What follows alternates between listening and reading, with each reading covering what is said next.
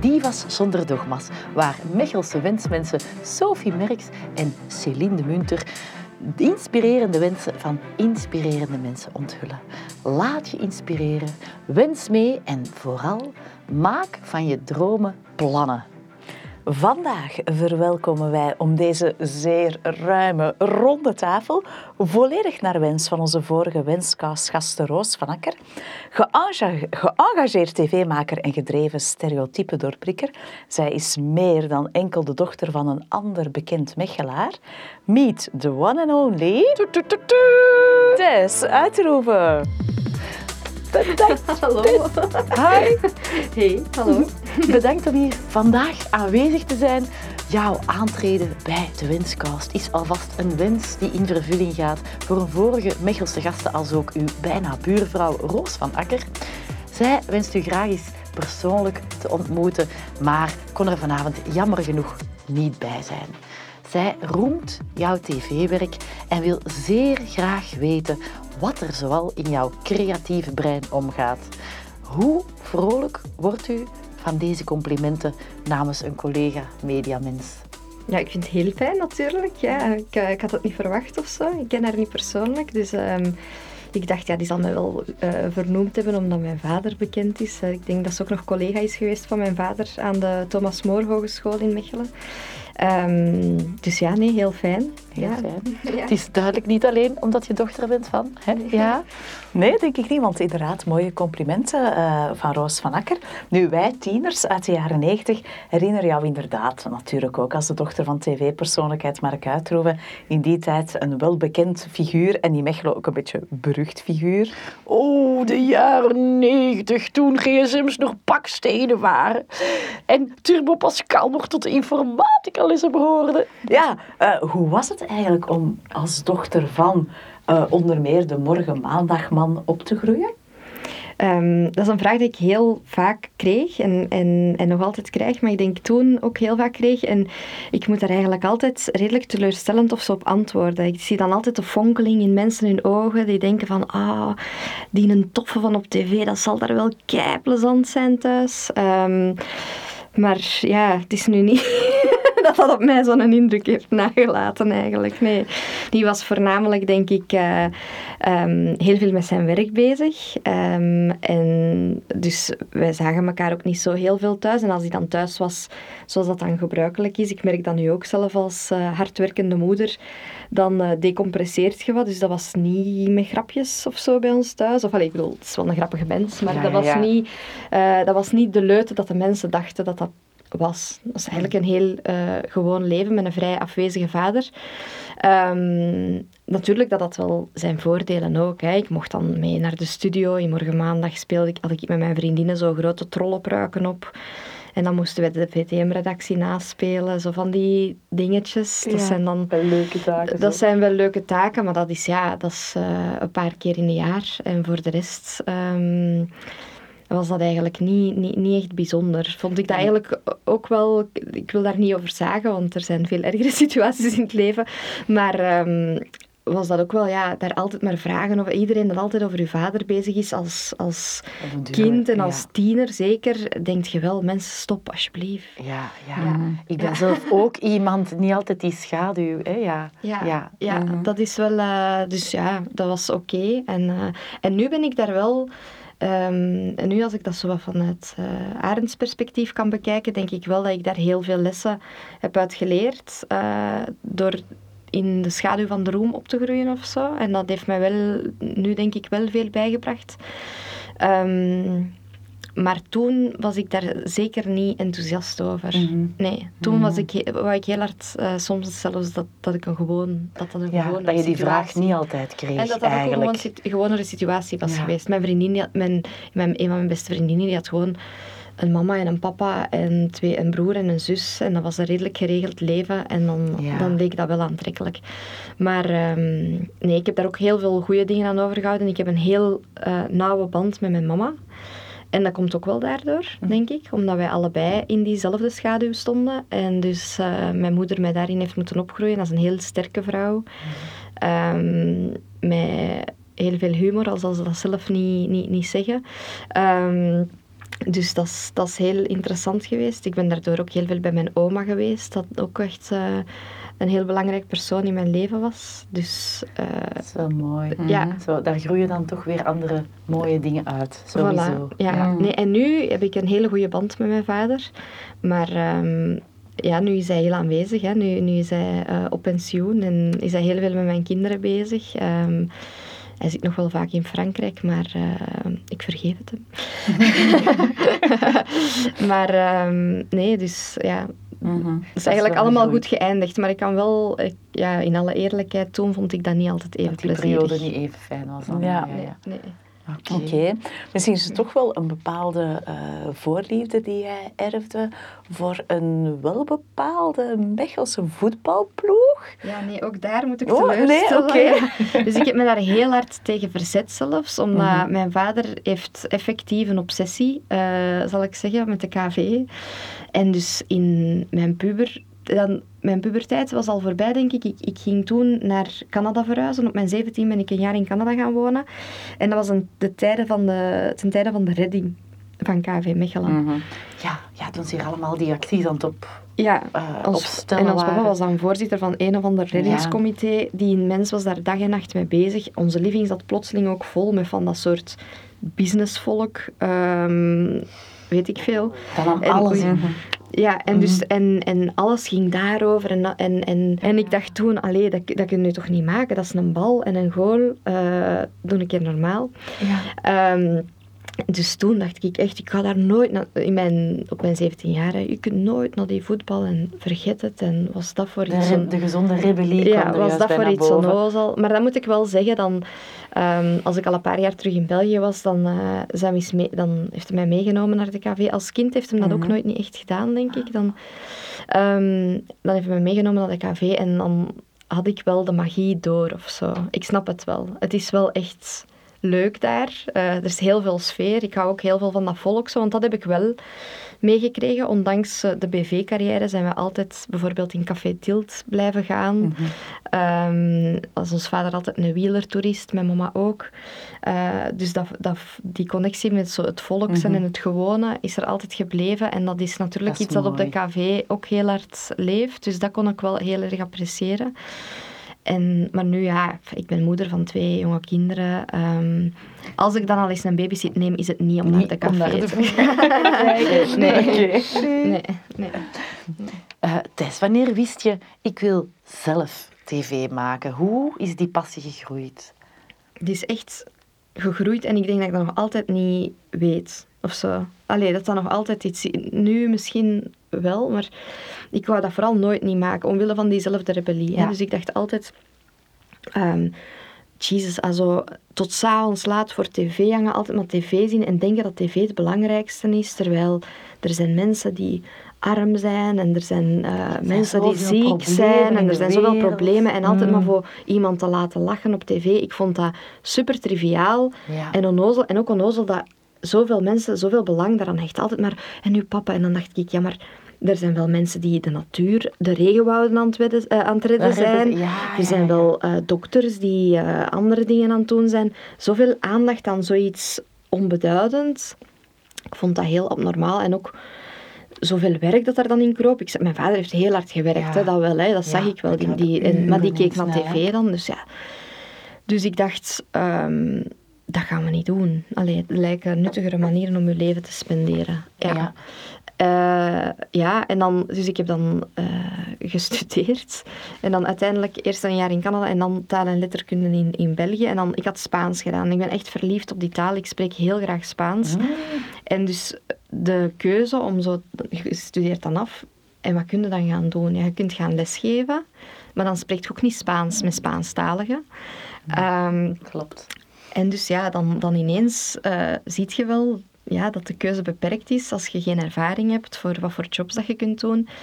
En dan vriendinnen van mij die hadden zoiets van, oh, ik wil misschien wel bij woestijnvis werken. En dan had ik tegen ons mama eens gezegd van, oh, dat is nu spijtig. Hè? Alleen mijn vriendinnen die gaan daar misschien gaan werken, maar ik, ja, met ons vader daar zit, ik kan dat niet.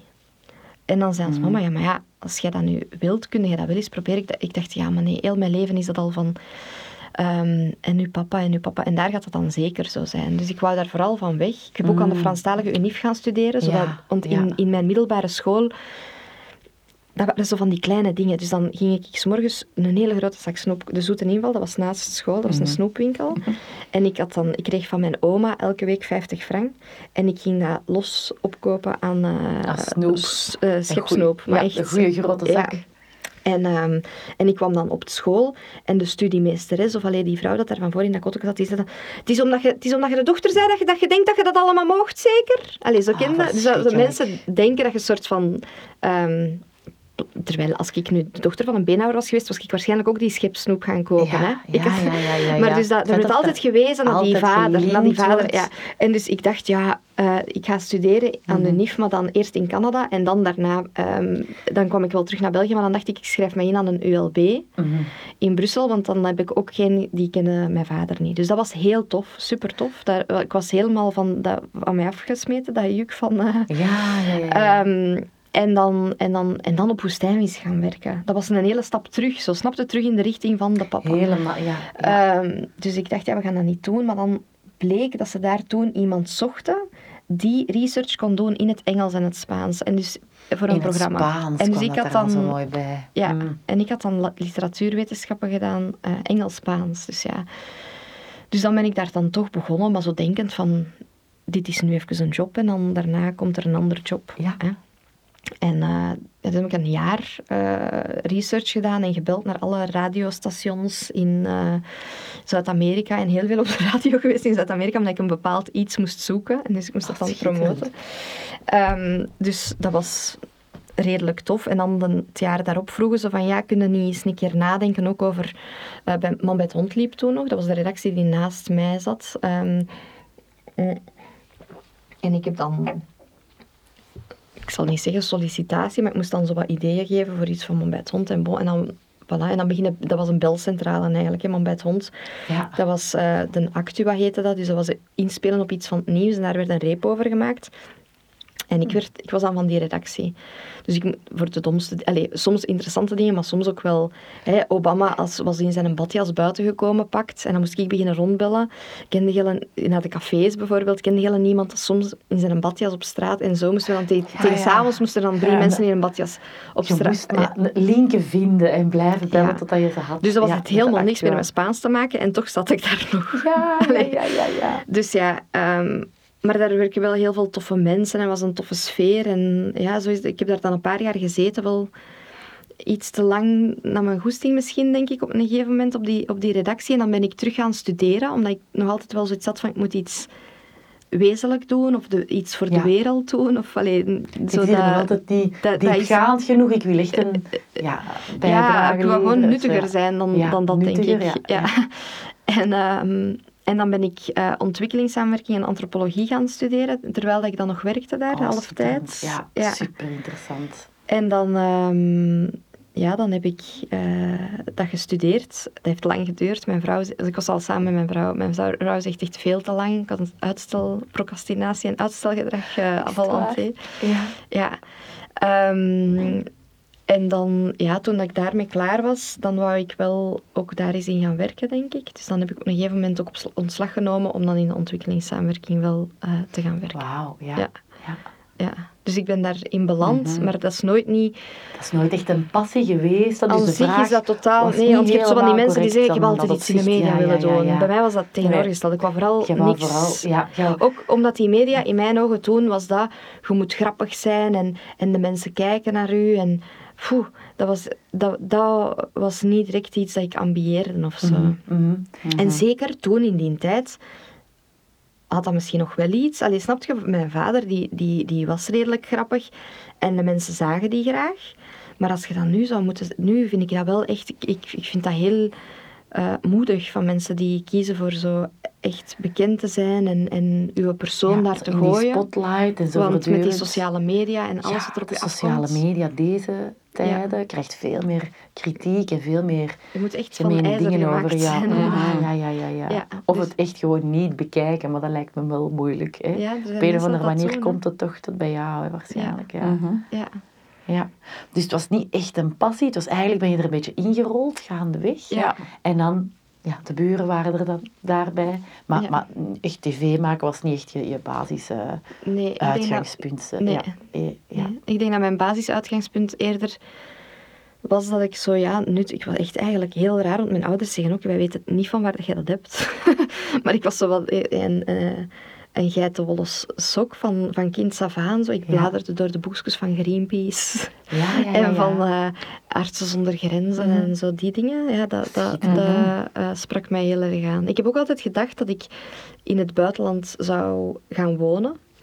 Ehm, om, ja, als ontwikkelingssamenwerker of zoiets. hè. Mhm. Natuurlijk, als je dat dan studeert, krijg je daar ook heel de kritische kant van dat gegeven over. Over dat dat heel paternalistisch is om als blanke daar te gaan. we gaan, we dat hier een keer helpen. ja, ja, Dus ja, dat klopt ook niet. Je wilt daar Mhm. eigenlijk vooral als blanke niet meer nodig zijn. Dus, ehm, eh, en ook, ja, ik ben een lesbische vrouw. En ehm, dus België is wel een hele goede plek om te wonen. Ja, ja. En om kind, ik wou, wij wouden kinderen. Allee, Mhm. ik, ik wou vooral heel erg eh, kinderen krijgen. En dus, eh, want ik ben met mijn vrouw dan wel, als we getrouwd zijn, zijn we een jaar gaan reizen. En dan hebben wij ehm, het laatste half jaar in Lima gewoond, in Peru. En we hadden het daar heel erg naar ons zin. We hadden echt een, eh, op korte een tijd... wereld, echt. Hè. Ja, maar op korte tijd ook echt een, fijn, een, ja. een fijne vriendengroep uitgebouwd. En we hadden daar wel werk kunnen zoeken ook. Ehm, en we hebben daar ook wel aan gedacht. Maar als je dan denkt aan daar kinderen krijgen, dat is wel... Dan stort je kinderen in een soort van discriminatiesituatie die dat je Hij niet, wilt- over... ja. Ja, je wilt dat Je wilt ze eigenlijk niet opnieuw laten beginnen Nee. natuurlijk. hè. Dus voilà. En wij hadden dan de mogelijkheid... Mijn, wij- ik werkte daar in... een- eh, dat was voor mijn stage en dus ik, ik werkte daar in een, eh, de homoseksuele beweging van Lima. Ja. En dus die mensen waren zo van, wauw, jullie zijn van België, daar is alles roze geur en maneschijn, wat dat ook niet waar is, maar bon, ten opzichte van Ginder wel. En dan zouden wij een keer daar gaan kinderen maken om daar in die moeilijke situatie... Allee, dus dat... Dat, Dat leek eh, dan ook niet zo echt de dat meest leek- logische nee. of beste beslissing. ja, dus dan zijn wij Ja. teruggekomen en dan hebben we het hier eh, gedaan. En dan ben ik uiteindelijk... eh, ja, na die, na de, ik, ik heb dan een jaar in de ontwikkelingssamenwerking gewerkt. Mhm. Wat dat, maar dus in België, ook achter een bureau. En dan, ehm, en dan, ik denk dat daar dan eigenlijk mijn passie, of passie zal ik, ik zal dat nooit passie Inspiratie? noemen, maar mijn, mijn ding voor tv, dat ik dacht van dat is toch ook, dat kan ook nuttig en tof zijn, Ja, dat is daar om wel dingen aan de kaak te stellen, om dingen duidelijk te Ja. maken, om een ander perspectief Ja, een keer te want ik- laten zien. Ik werkte daar dan als persverantwoordelijke van een NGO rond de Europese Unie. En ik moest dan, we hadden dan, ik weet niet, persberichtjes, maar ja, wie is er daarin geïnteresseerd? Tien journalisten of zo. En ik moest die dan, die journalisten opwarmen om dan een klein artikeltje te schrijven over wat, waar dat wij dan mee bezig waren. Ah, op die manier, ja. En toen dacht ik wel van, amai, als ik ooit in mijn leven één reeks kan maken over ontwikkelingssamenwerking of over die thema's eh, bij Woestijnvis, dan heb ik misschien veel meer bereikt dan hier, Dan hier, 30 ja, da- nee. jaar op die stoel te zitten. En, Ja, en, mhm. Ja. en dan heb ik wel gedacht, oké, en ook, dat was, ik vond dat ook veel saaier en ik was Mhm, niet zo... mhm. Ja, van ehm, achter een bureau, ontwikkelingssamenwerking, dat is niet Dat echt wat je in niet- gedachten nee. hebt als je zo Voilà, en ja, dan ben ik op de terug naar schoolbanken zit. gegaan. Ja. Mhm. Omdat je dat eigenlijk meer zag als een manier om meer bereik te geraken bereik, voor belangrijke ja. thema's. Dat je, ja, En ook eh, egoïstisch eh, een leukere job te hebben. ja, Ja, ja. Ja. Allee, Het nuttige aan het aangename koppelen eigenlijk. Ja. is, dat, is, Ja. dat is toch nog niet zo Ja, dom. want woestijnvis, ik moet wel zeggen dat ik daar heel, ik vind dat een heel fijn, fijne omgeving om te werken. Ah, is er tof. heel veel toffe mensen en dat waren ook mijn vrienden en ik had daar ook wel heimwee naar. Ja. Ah, een goede sfeer in elkaar Ja. naar omhoog tillen. Dat, Ja, dat is, ja. ja, Ja, ja. super. Nu, Ja. over je docu rond de zaak De Pauw, het proces dat niemand wou, wilde je het nu niet hebben. Hetgeen we uiteraard respecteren. Je maakte voor Productiehuis Woestijnvis ook zoveel andere programma's. Hè? We zijn daar ook gekomen. Welk programma heb jij zelf het liefste gemaakt? Ik denk ehm, Ooit Vrij, dat is het eerste programma dat ik dan zelf had, ik zal niet zeggen bedacht, want je bedenkt alles Ja. in groep. Maar dat was, ik had dan het initiatief genomen om naar die gevangenissen te gaan. Ehm, en dat eh, is een heel interessante wereld. En ik hang daar nu ook terug in rond. Dus Ja. dat is toch iets dat aanspreekt. Mhm. Ehm, ja, dat, dat vind ik wel. eh, maar ik, ik, heb al, ik heb wel veel programma's graag gemaakt. Maar bij Zond was een goede leerschool, laten we het daar Ehm, en dan daar, na Maal met Hond heb ik dan Martijn, met Martijn Heijlen. Uh, Dat was de eerste keer dat ik dan mee mocht als uh, regisseur, heet dat dan. Um, en dat we dan naar het buitenland gingen met Barbara Sarafian en, en uh, ja, allee, verschillende mensen naar hun, hun roots, zo, mm -hmm. Elodie Wedraogo naar, naar ja, Burkina. Ja. Dat was heel tof om te doen en ook leerrijk. En Martijn is ook een, een, een goede leermeester, zal ik zeggen. Ja. een hele fijne mens om mee te, op te trekken. Um, en dan, uh, daarna heb ik topdokters gemaakt. Ja. Ook super leerrijk. Dan, weet je, met die programma's kwam ik al dichter bij wat ik zelf mm -hmm. wou of zo. Bij iets maatschappelijk, mm -hmm. iets dat je echt met iets, uh, iets van het echte leven bezig ja, bent of zo. Iets met inhoud, iets met... Ja, ja. ja niet dat alles relevante. puur een inhoud moet zijn, want dan denk ik ook dat dat heel weinig bereik heeft. Dus je moet, dat, dat voel ik heel hard nu, je moet een soort combinatie vinden tussen uh, inhoud en dat, de, dat je mensen ook wel kunt gewoon entertainen. Want ja, daarvoor is tv gemaakt. Het moet echt verteerbaar blijven. Hè. Ja, ja, ja dus... Maar um, Topdokters, Topdokters, moet ik zeggen, heb ik ook heel, heel graag gemaakt. Omdat dat is een programma waarin dat er... Je hebt sommige programma's, zoals bijvoorbeeld Ooit Vrij ook, waar dat er toch altijd een soort weerwerk is. Hè. Die mensen ja. uh, zitten daar binnen, dan, dan denkt de papa dat dat niet goed is om mee te doen met dat programma. Of in het begin bij Ooit Vrij vonden, waar stonden die directies daar ook helemaal niet, niet per se helemaal achter van moet een tv er wel binnen zijn. Of je hebt heel vaak... Echt wel een weg vrijbaan. Ja, je moet echt wel een, een weg vrijmaken. En bij Topdokters, ik ben op dat programma gekomen als die weg al was vrijgemaakt. Dat programma stond er al. Ik ben mm -hmm. pas bij seizoen 3 uh, aangesloten als regisseur, zal ik zeggen. En dus die dokters deden redelijk graag mee van het begin. En die patiënten zijn ook heel dankbaar, want die zijn heel dankbaar naar hun dokter. Wij zetten hun dokter in de verf. Ja. Dus die...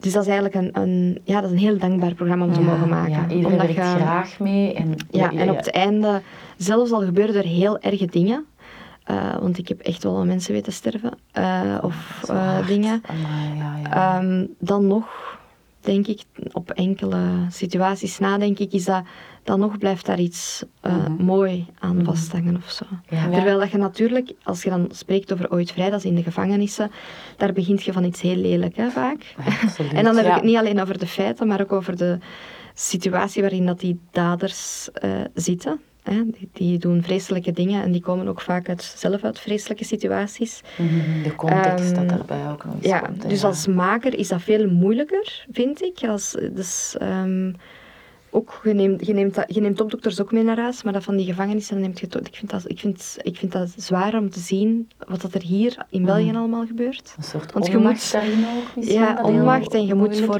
Dus ja, daarvoor wou ik naar andere landen, omdat daar zogezegd slecht was, maar dan zie je wat er hier allemaal hier is. okay. en, is ook een derde wereld, ja. ja. ja. Dus, um, maar ook daar zijn er heel veel mooie situaties en... en uh, krijg je ook wel heel veel energie van, ondanks... Wat ik het mooiste vond binnen de gevangenis, is dat je denkt, je, je gaat naar ergens en in het begin denkt je, hola, het gaan allemaal slechte mensen zijn, want ja, ja die ja, zitten binnen. Je hebt daar een beeld van. Je hebt daar een beeld van, Mhm. van de films en... En dan merk je dat dat ook wel, naast wat ze hebben gedaan, waren slechte feiten. Maar die mensen zijn niet allemaal per se slecht, zeker niet. En dan merk je ook dat daarbinnen, je ziet dat in de films, en dat is daarmee uh, ze botteren op de gang en gangs en weet ik veel. Terwijl daar voelt je heel veel, je hebt heel veel gedetineerden die heel veel hebben aan een psycholoog of aan een directeur of aan een aalmoezenier. En ook de instelling van sommige van die directeurs, niet iedereen natuurlijk, maar sommige van die directeurs of sommige van die mensen die daar werken, die echt werken met die mensen en proberen het zo menselijk mogelijk ja, te maken ja. en, en ook en terug op de rails Mhm. te krijgen en hoeveel warmte in die heel koude omgeving dat er toch nog is. Dat is heel ontroerend om te zien Mhm. en ik was heel blij met Ooit Vrij dat we de focus daar wat hebben kunnen proberen op te leggen. Mhm. Ja, dus dat, dat, ik zal zeggen dat dat heeft mij...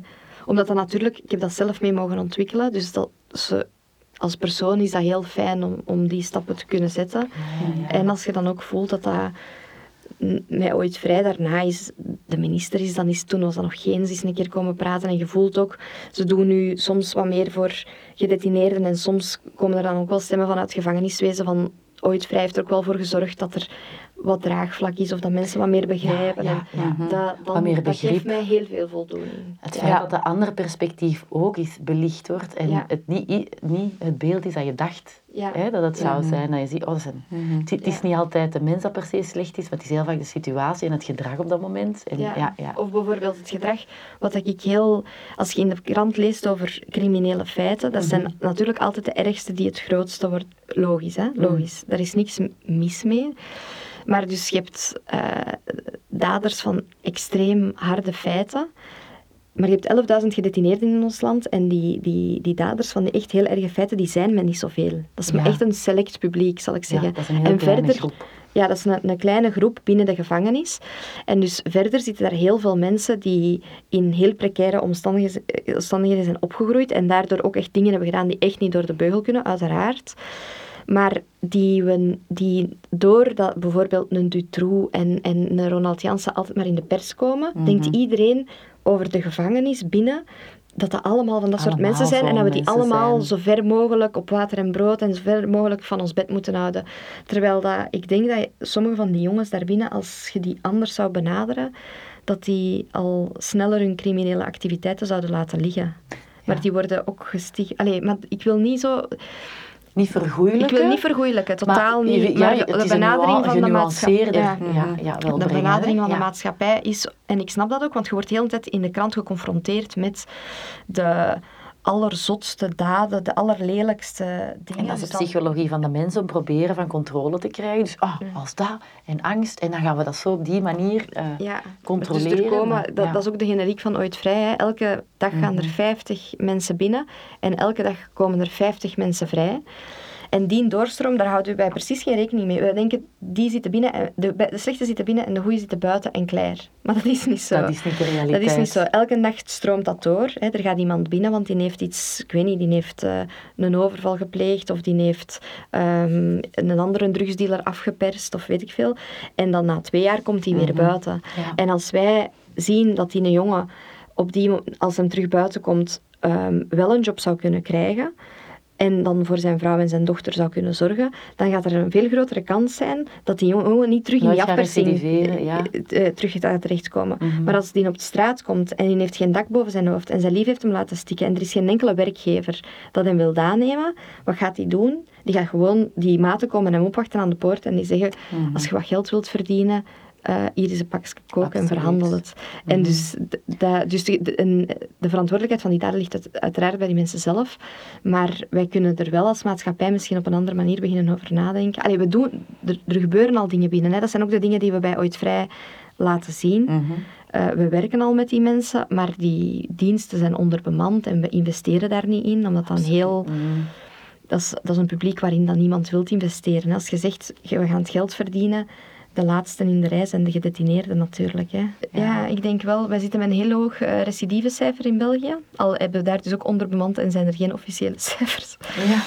Maar we zitten met een heel hoog recidivecijfer. En als je dan kijkt naar Scandinavische landen of Nederland of zo, waar Mhm. dat er veel meer wordt gewerkt van, vanaf in, in, de opsluit, alleen de opsluitingsperiode naar dan het reïntegratietraject. Ja, ja, dan, ja. eh, En open gevangenissen, daar heb ik ook eens een eh, artikel over gelezen. en ze zijn daarmee bezig. Hè? Dus er, er, zijn, er is een transitiehuis hier in Mechelen. Eigenlijk, daar zouden jullie eens iets mee moeten Ah, doen. Daar zitten 15 Ja. eh, mensen die op het einde van hun detentie zitten. En die eigenlijk al... Dus dat is weinig bewaakt. Hè. Er is wel een sleutel, maar bon, als je een, een crimineel zegt, je raakt je wel buiten eigenlijk. Maar die mensen volgen gewoon de regels van de wet. Dus die ehm, komen van de gevangenis en dan gaan die naar dat huis. En dat, van, vanuit dat huis kunnen die al bijvoorbeeld gaan werken. En mogen die overdag naar buiten en komen die s'avonds weer binnen. Die worden iets intenser begeleid dan in de gevangenis. ehm, met bijvoorbeeld therapieën dat ze nog zouden moeten eh, volgen of ook naar werk toe. Om zo, zo met zo'n goede mogelijke basis uiteindelijk helemaal Ja. vrij te gaan. Ja. En dus het eerste transitiehuis in Vlaanderen is geopend in Mechelen. Dat loopt nu al, Oh, denk ik, anderhalf jaar. Goed nieuws, Ja. ja. Ja, en dus ik denk dat dat redelijk goed loopt. Ja. We hebben daar nu met, de- we hebben een derde reeks gemaakt van Ooit Vrij. En dus daar zit, er is maar een klein verhaaltje, maar er zit een verhaaltje in. Maar het is soms moeilijk om mensen te overtuigen om, om eh, met allee, in beeld te komen. Maar ik denk voor een podcast, dat mensen sneller Ah, zullen oké. praten. Ja, ja, ja, zeker. praten is makkelijker. Hè? Praten Ja, is makkelijker. Ja. En daarmee heb je eigenlijk al automatisch onze vraag over zo ooit vrij. Want eigenlijk zo, allee, in Mechelen, heel veel mensen passeren de gevangenis en hebben totaal geen beeld van wat er achter die muren speelt. Hè. Ja. Dus je hebt dat eigenlijk nu al wat meer genuanceerd. Nu zelf ben ik ook echt wel fan van die reeks topdokters. Omdat dat toch ook echt zo ehm, het talent of zo en de medische vernieuwingen dat er in België gewoon Bestaan. bestaan helemaal in beeld brengt. Hè. Eh, Ik weet niet welke arts of welke medische vernieuwing dat u zelf zo daar het meest in trof. Of dat u het meest is bijgebleven. Ik heb, er, ik heb er drie eigenlijk Mhm. van de dokters. dat ik- want je, dus Mhm. als je daar eh, regisseur van bent, dan heb je twee Ja. dokters die dat je heel intens volgt Oké. gedurende een jaar. Hè. En er zijn drie dokters mij wel heel erg bijgebleven. De eerste is Tessa Kerre, die staat op hematologie, dus dat stond bij de leukemiepatiënten Ja. in Gent. Dat was mijn eerste jaar dat ik top, topdokters deed. En zij was heel erg bezig met die immunotherapie en zo daar vernieuwingen in. En ehm, ja, dus die, die vrouw is enorm gepassioneerd, gedreven. Die leest ook heel veel boeken, is ook met heel veel cultuur nog bezig. Ik snap niet hoe dat die dat doet. Want die, werkt, die, die leeft ook voor haar werk, die, hoe dat die allemaal combineert. Ehm, en dus is een enorm warme vrouw ook naar die patiënten toe. Dat was, voor mij was dat heel heftig dat jaar, want daar, ja, op die dienst, leukemie, daar sterven Mm, best wel wat mensen. Ik, Ja, ik, ja, ja. ik bouwde dan ook wel een, een band op met, met die mensen en soms verloren we die dan tijdens het Oh, traject. dat is super hard, zoiets. Ehm, ja. Ik, heb daar, ik was toen zelf zwanger tijdens dat jaar en ik was dus aan het draaien met mijn klankzet op mijn, mijn buikje. En, en eh, er was een heel tof meisje van mijn leeftijd, eh, maar dus die had een, immu- een auto-immuunziekte. En uiteindelijk heeft hij ervoor gekozen om euthanasie te plegen tijdens het seizoen. Ehm, en dus Tessa ging dat uitvoeren. En ik ben dan nog bij haar geweest om, om de beelden, want ze had toestemming gegeven om, Ja. om toch nog uit te zenden, Mhm. ook al ging ze er niet meer zijn. En dan ben ik nog bij haar geweest om die beelden te laten zien. Ehm, en dan zei ze van, ik ga nog een ster zijn. Na, na. Ja. En dus ja, dat was voor mij heel eh, intens, ja. inpakkend. En, en hoe, dat, hoe dat die dokter, hoe dat Tessa, heel dat menselijk aspect en al die, al die dingen gewoon op dagdagelijkse basis om er als dokter zo te zijn voor haar patiënten. En daarboven deed hij ook nog heel veel onderzoek. Dus hij had dan nog een team daarboven zitten. Ik heb daar, die heeft mij meegenomen naar een labo met muizen en weet ik veel. Dus die was ja, al, en daar was ook heel veel vernieuwing. En ik, ik kan dat niet uitleggen, want ik ben geen dokter en ik snap daar allemaal niets van. Maar dus dat was wel ook Mhm. ja, baanbrekend en heel impressionant. En Dat ook in wat voor balans condities. Want dan die weg naar dat kot met die... Dus die deed dan baanbrekend onderzoek, maar dan was dat met zo'n lift, kende van in de jaren tachtig, die zo met hekjes toe... Och. Ergens in de krochten van UZG. eh, allee. Dus hoe dat die vrouw dat allemaal ehm bewerkstelligde, ik vond dat heel, heel impressionant om te zien. Ehm, en dan dacht ik, ik mag niet thuiskomen en zeggen, ik ben moe. Allee, snap je? Als je Ja. die mensen bezig ziet, mensen dan denk je... het eh, Plaats het wel in perspectief, ja. ja, Ja. en ik, dus met dat ik zwanger was, soms als ik aan het draaien was, ik viel flauw soms zo van een hypo of zo. En dus bovenop dan haar patiënten en haar onderzoek was ik ook nog bezig, Tess, gaat het? Is, is, is uw suiker, is uw suiker En dan denk ik, oh, ja, wel. En ik dacht, Aan mij nee, moet echt moet ik. Ja, moet ik die ook nog daarmee belasten? En dan, en dan de, de, de twee andere dokters, dus dat was in, in, een, in een later jaar, dus eh Guy Choen, dat is de transgender-expert.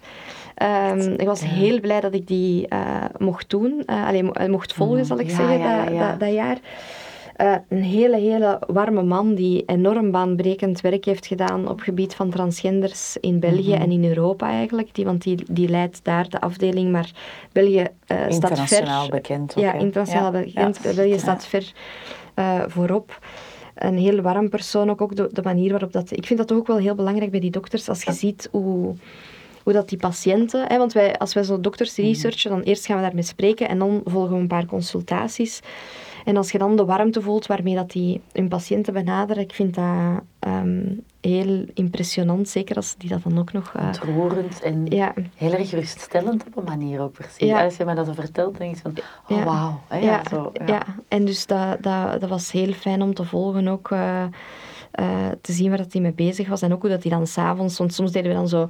eh is een leutige activiteit met die dokters. En die, die, zijn we naar een optreden van Kim Wilde gegaan. Oh, dat was een, een vuifnummer eigenlijk ook. Die, eh, Guy, dus dat was heel tof. Ja.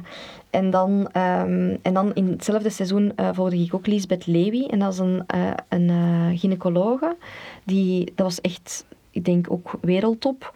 op gebied van heel specifiek, die, ehm, Mhm. als er een tweeling in de buik zit en die hebben een bepaald probleem. ik- Ah, ik heb dat gezien. ja, dus die Zot. scheidt Ja. die, scheidt die placenta Ja. dan. Allee, nee, dus ik ga- sorry Lisbeth, want ik weet niet of ik het het uitleggen ben. Ik ga u laten doen nu. Ja, maar dus die, die opereert in de buik. Want dus als die, gezien. als die daar niks zou aan doen, Ja. zouden die baby's, of een van die baby's Dat sterven in de je buik. En die opereert je in die buik. En Ja. dus dat wa- die operaties, ik woonde die dan bij, want wij filmden Mhm. die. En dus dat was op kwestie van eh, Mhm. minuten, seconden, kon dat daar fout lopen. Dus dat was zo spannend. Die zat dan met ehm, ja, apparatuur in die buik die operatie uit te voeren. En dat was... Ik vond Dat ongelooflijk. Dat is zo'n Mhm. kleine, ehm, magere eh, vrouw die dat daar leven na leven na leven staat te redden van, eh, van die kinderen. Maar ook Mhm. ja, gevoel, als het dan niet lukt, want dat is, dat is, dat is er natuurlijk altijd ook. ehm, ook van die moeders en heel die families dat eraan vasthangen, die dat daar met zoveel warmte ehm, dat allemaal deed. Ja, ik vind dat, Mhm. ik vind dat heel impressionant eh, en heel mooi dat die mensen ook vaak zo nederig blijven. En dat is misschien ook mijn afkomst. Snapte mij aan, aan mijn vader, niet alleen mijn vader, maar zo BV's, daar wordt dan altijd zoveel. Daar worden heel veel eieren onder en gelegd. En dan denk ik, ja, maar zie eens wat er hier aan het gebeuren is. En dat heeft geen enkele aandacht. Hoe kan dat dus dan was ik heel blij dat ik dat wel in de aandacht mocht Ja, ja, brengen. door die reeks ook. Hè, dat, zo, dat menselijk aspect van die dokters, maar ook zo het besef van wat voor baanbrekend werk Mhm. dat er in Bergen gebeurt, dat soms meer in het buitenland bekend is dan eigenlijk hier. Hè. Dus dat is echt wel mooi om dat in beeld te zien, vond ik. Ja, Ja, absoluut. Ja. Ja. Op het moment van opname zijn wij volop Hier vandaag. eh, midden Pride Month juni. Je bent getrouwd met een vrouw, mama van twee. En wordt zo wel eens als rolmodel ook in de boekjes geportretteerd. Ook op social media zet je het LGBTQ thema zelf in de kijker. Welke stereotypen zou jij op dat vlak graag nog doorprikt zien? ja, ik denk, ik weet niet, een stereotype echt doorprikt. Ik denk gewoon, eh, wat, waar dat ik mij soms aan stoor, is dat zo, ehm, het is hier super hard geëvolueerd in mijn leven. Ja. Dat is echt heel toevallig dat ik nu per ongeluk nu leef, of zo vind Ja. ik vaak.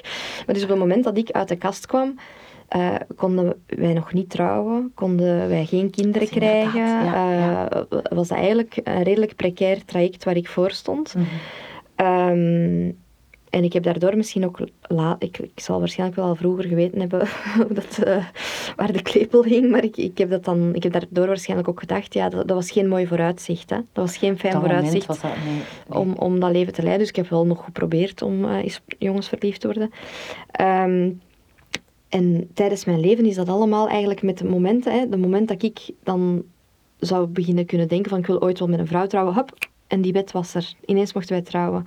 En dan op het moment dat ik bevallen was, ik weet nog van mijn, mijn, bij ons eerste ehm, kind eh, heeft Anne nog moeten... Wij zijn nog moeten in potlood gaan ondertekenen dat ze een adoptiecursus ging doen. Mhm. Want ze moest eigenlijk onze kinderen adopteren. Maar die roepo had er al voor gezorgd dat dat dan toch in orde ging komen. Dus het- Mhm. ik denk de eerste twee maanden van het leven van mijn zoon eh, was dat enkel mijn kind. Maar dan automatisch vanaf 1 Is dat dan januari eh, werd dat dan toch ook aan haar kind. Dus eigenlijk is dat zo in mijn... Het is heel speciaal, maar is dat in mijn leven... Zijn die dingen zo geëvolueerd. Ja. Maar omdat er veel wetten zijn die eh, het heel goed voor hebben met onze situatie, wordt er vaak gedaan van je moet nu ook niet meer neuten of waarom benoemt je het. Ja, of soms ja. Het je heel hard gevoel, en want je zegt nu rolmodel, ik kom helemaal niet vaak in de boekjes. Ehm, je moest eens weten hoe vaak dat je daar toch nog over nadenkt. Mhm. Ik denk daar zo vaak nog over na als mensen dan zeggen, eh, mensen dat je nieuw leert kennen, hè, eh, van ehm, en hoe is het bij je thuis? En dan moet ik kiezen tussen het woord vrouw of lief. Hè? Ja, En dan Ja. kom, kom ik wel of niet uit de kast. Expliciteer ik het hier elke keer Ja. opnieuw? Of Hè? niet? En dus heel Ja. vaak doe je dat dan toch niet, omdat je denkt, de mensen gaan vinden dat Mhm. ik eh, er met de koop loop. Mm. Er hangt zoiets aan van, moeten we dat nu nog allemaal benoemen? Moeten we dat nu nog altijd de hele tijd zitten zeggen, want alles is toch in orde? En dan heb ik wel zoiets van, het is nog niet in orde, want het feit dat ik daar nog moet zitten over nadenken, is nog niet in orde. Mhm. En dat zijn hele kleine De dingen. hè. wetten zijn natuurlijk een hele goede aanzet, maar De wetten is... in het hoofd van de mensen hè, is toch niet altijd Nee, en als je dan... Ik was nu, want we waren dus naar de Pride geweest ehm, nu in mei. En, en ehm, op de trein kwam ik mensen tegen uit Mechelen die ik kende.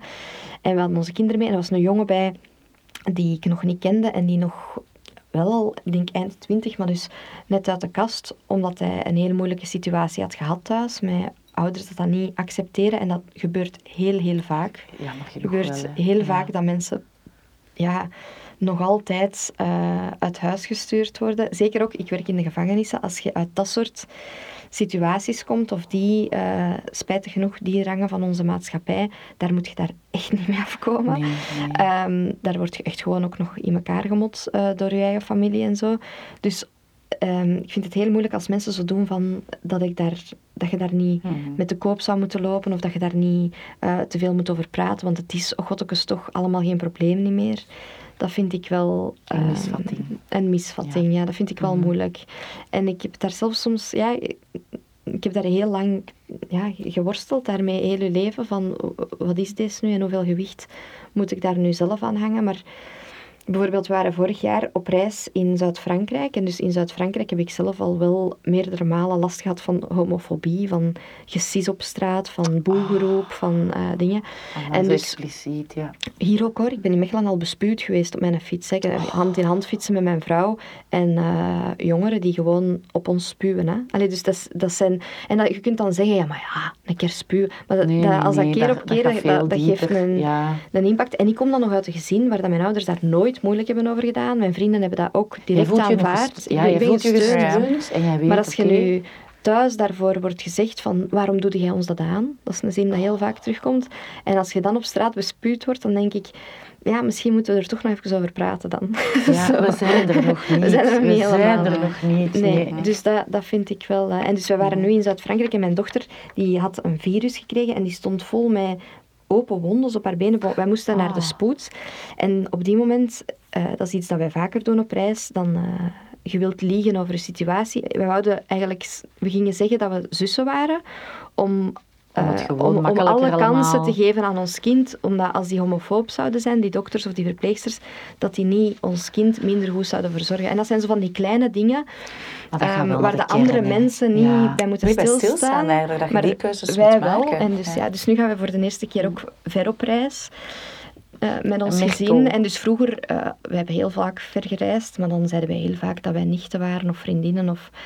En dus nu, eh, ja, dat ga, ik, ik ben benieuwd wat dat gaat Ja. geven, want we hebben wel twee kinderen bij die gewoon mama en mams naar ons roepen. En eh, dat zullen die mensen ook wel verstaan op een of andere manier. Ja, ja. Dus de, ik vind dat toch nog altijd dat er eh, extra uitdaging is daardoor in mijn leven of zo. Ja. Toch, ja. Ja. Extra alert daarin zijn. Alert, ja. Mhm. Ja, klopt. Ja. Ja. Er is nog werk aan de winkel. Ja, ik denk het Ja. wel als ik het zo hoor. Ja. Ja, absoluut. En het is een ander gegeven is dit, eh, maar met jouw creatieve brein, hè, eh, heb jij nog professionele of andere eh, plannen, tv-programma's of creaties in de maak? Of, Ja, ik ben dus nu wel terug aan iets aan het werken, ook in verband met gevangenissen. Dus dat is toch wel blijven hangen, dat thema. Ja, ja, ja. ja. Ehm, dus daar ben ik heel intensief mee bezig nu. Dat is een heel fijn project. Ik ga dat nog niet helemaal eh, uit de doeken doen, denk ik. Nee. Nog een beetje mysterie achter die. Ja. Ja, maar ehm, ja, dus da- daar, daar eh, ben ik mee bezig. En ik heb nog wel andere... ehm, maar ik, ik vind mijn eigen niet zo creatief eigenlijk. Eerder... ja, ik ben gewoon al blij dat ik mee zo mag nadenken over dingen die spelen in onze maatschappij. Of eh, Ja. Eh, daarmee bezig zijn. Ja. Ehm, maar dus, ja, het is niet dat ik eh doldwaze humoristische shows op de wereld zal zetten. Dat moet je van mij niet verwachten. Maar, maar oh, nee, alles zijn wat aan jou Ja. aanbelangt. Maatschappelijk engagement, dat moet Ja. je erin kunnen En leggen. pas op, ik Ja. vind dat ook wel tof, want dus ik heb nu mee gaan doen, met, ik weet niet of dat je Hotel Romantiek, dat is zo'n Mhm. programma waarin Ja, we- van. Woestijnvis, waarin Ja. we oudere eh, mensen eh, aan een lief proberen te helpen door Mhm. samen Ja, op reis te gaan. schitterend. Ja. Ja. En dus dat is een luchtiger programma, maar ook daar, dus ik heb dan eh, dit jaar de interviews gedaan, de diepte-interviews met die mensen. Mhm. En dat vind ik ook heel, eh, ik vind dat een heel mooi programma eigenlijk, omdat je, ehm je lokt je kijkers ook met heel dat plezierige aspect, maar Ja. eigenlijk kunnen onze er is zoveel veranderd op korte termijn in onze maatschappij en die mensen komen eigenlijk uit een andere wereld, echt. Ehm, en dus door die, doordat zij hun levensverhaal vertellen en de manier waarop dat zij de liefde hebben beleefd en toen en nu en hoe dat... Je leert daar heel veel van bij. Eigenlijk vind ik dat gewoon... eh, ik vind ja, interviewen heel fijn, omdat je dan... gratuit eigenlijk heel veel vragen mocht stellen en, en heel veel mocht bijleren op korte termijn. Mhm. Ehm, dus ja, dat, dat, dat, het hoeft niet per se altijd supergewichtig te zijn Ah, of zo. Ik vind ja, ja. gesprekken Ja. met gewone mensen. En daarin moet ik wel dan toch nog hulde brengen aan Toenman bij het hond. Dat was daar ook. hè. Mhm, Dus dat, mhm. daar, ik heb dan uiteindelijk daar het, het, dorp gedraaid. Dus dan gingen wij gewoon in een dorp rondhoren wie dat er wat deed en een keer zien. En ja, je, je leert heel veel bij van gewoon met mensen te Ja, spreken. Ja, gewoon en die dus- durven aanspreken, die stap durven zetten. Zo, ja. Ja, Ja. en dus als uw job uw uitvlucht is om dat te doen, dat is, dat dat is is echt een voorrecht. Ja, dat vind ja, ik wel. Ja, absoluut. Ja. Ja. Ja. Ja. Oké, heel fijn. Nu, toch al een beetje aan het plannen en wensen slaan, halen wij meteen onze wenspot erbij. Ja, het is in deze bijzonder transparante en mystieke wenspot verzamelen wij dus inspirerende wensen van inspirerende mensen. Tijd voor de wenspot. Wenspot, wenspot. En met onze beroemde wenspet in de aanslag hadden wij graag nog het volgende aan jou geweten. Wat is jouw wens? Mijn wens voor, Voor jezelf, we zullen daarmee beginnen. Mijn wens voor mezelf, en dat is heel super saai, denk ik. Heel topdokters geïnspireerd.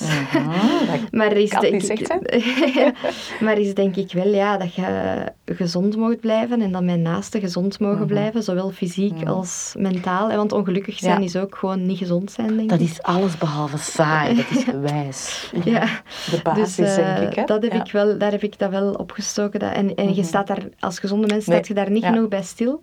Ehm, toen ik topdokters draaide, eh, dan zag ik dat wel van, Ja, ja, denk je wel eens twee keer als je ziet jonge meisjes kan. die eens van een paard zijn gevallen en hoe dat, dat je leven omkeert of gewoon plotseling je wat slechter voelen en ineens bloedkanker hebben of, of ja, er gebeuren zoveel dingen op dagdagelijkse basis waar dat wij heel weinig bij stilstaan en dus dat, daar, ik probeer daar, je mocht daar niet heel een tijd aan zitten denken van oei oei, wat kan er zelfs. Ik ben soms wel zo dat type moeder, dat ik denk, test alsjeblieft. Ik denk wel, mijn kinderen soms denken, ja, het is goed, ik zet mijn helm op. Allee, Ja, ja, ja. maar ehm, ja, dat, daar, dat, je moet daar wel aan denken en ook niet te veel. Dat is een Mhm. fijn evenwicht, ehm, maar dus dat is superbelangrijk. Hè? Absoluut. Superbelangrijk. Al heb ik ook wel gezien dat soms door een soort eh, ziekte of, of, of medisch voorval of zoiets, dat mensen ehm, meer naar de essentie van zichzelf gaan, door zoiets tegen te komen. Mhm. Omdat ze met de neus op de feiten worden gedrukt van dit kan. En als Ja. ze er dan toch ongeschonden of redelijk goed uitkomen, dat dat hen wel helpt om ehm, Een gezonde nederigheid ja, in het om leven of zo. ja, nederig zijn ten opzichte van moeder Ja, natuur, ja, hè, die toch alles in handen heeft en wij niks uiteindelijk. Ja.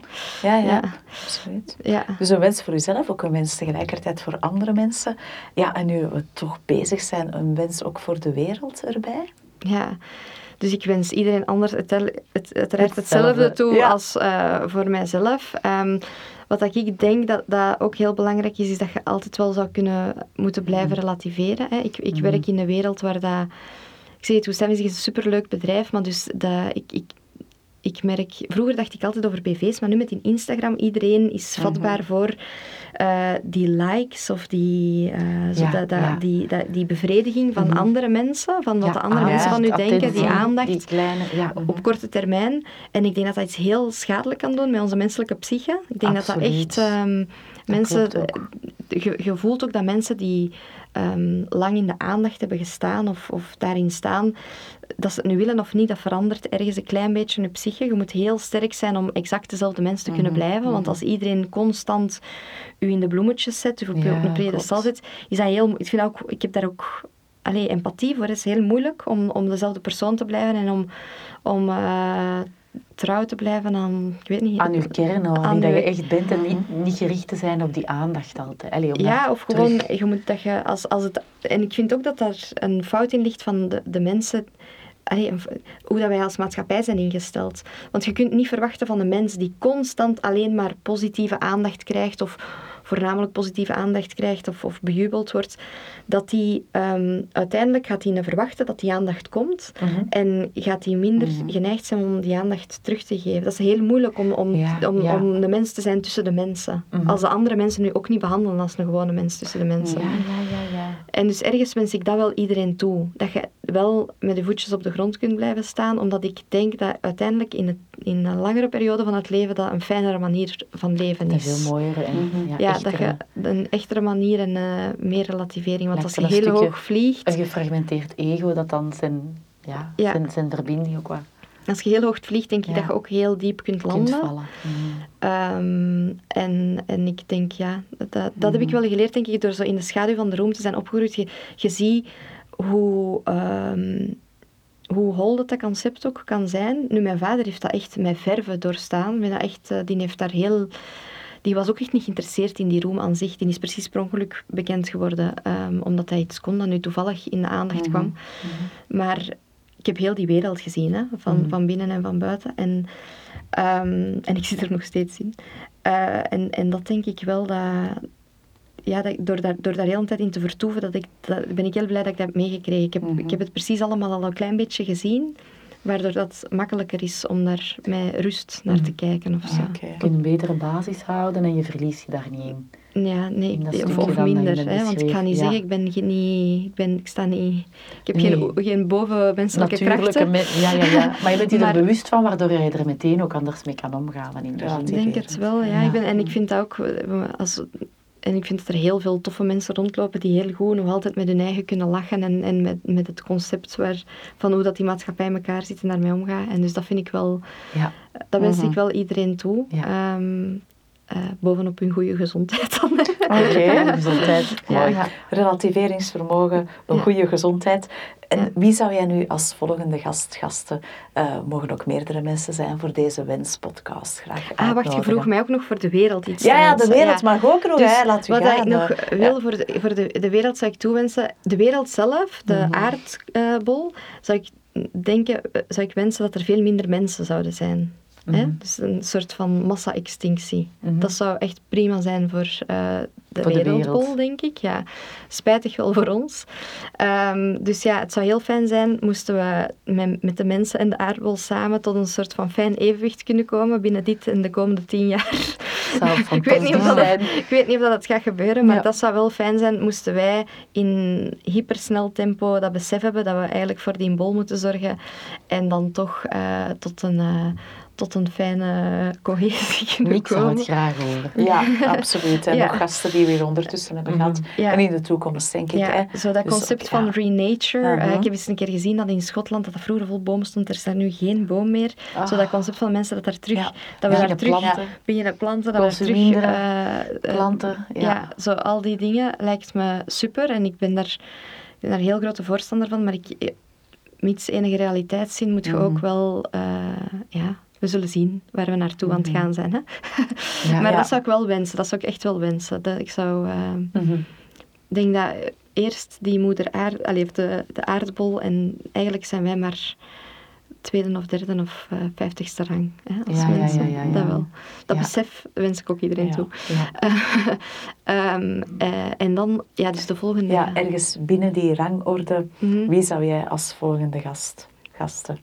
Meerdere mensen mogen het ook zijn wensen. wensen. Ja, dus ik zou eh, wensen dat Griet Proost, dat is een Mhm. vrouw die net gepensioneerd is, die eh, lang voor het eh Vertrouwenscentrum. Kindermishandeling hier in Mechelen heeft gewerkt, ehm, dat zij naar hier zou kunnen komen. Ook in, in mijn visie van dat we niet altijd mensen die al in de aandacht staan, nogmaals in Ja. de aandacht moeten zetten, maar dat we oog moeten hebben voor de, de helden die eh, onbenoemd zijn of ongekend zijn. De ongeken- die, dat vind ik wel. En Griet is zeker zo iemand. Absoluut. Ja. Ja.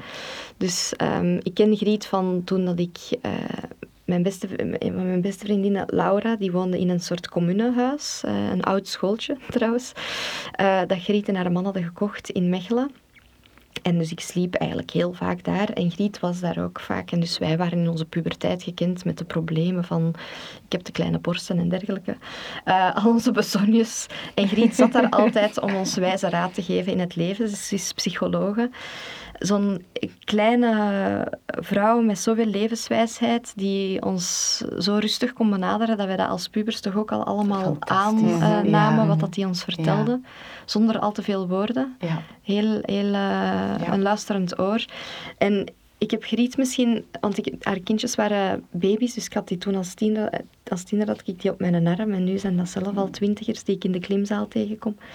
Ehm, maar eh, ik heb Grita misschien te weinig kunnen zeggen in mijn leven of zo. Dat is wel iemand dat heel veel heeft betekend, ondanks dat we elkaar niet altijd zijn gekruist. Maar bepaalde ehm, momenten, als, dan, als er dan iets gebeurt in je leven, is die daar dan plotseling. Ongelooflijk, die vrouw. Die Ja, ruikt precies ja. wanneer dat ze ergens nodig is. Niet alleen bij mij, bij Laura, bij Jasper en ik ben ervan overtuigd, bij duizend andere mensen.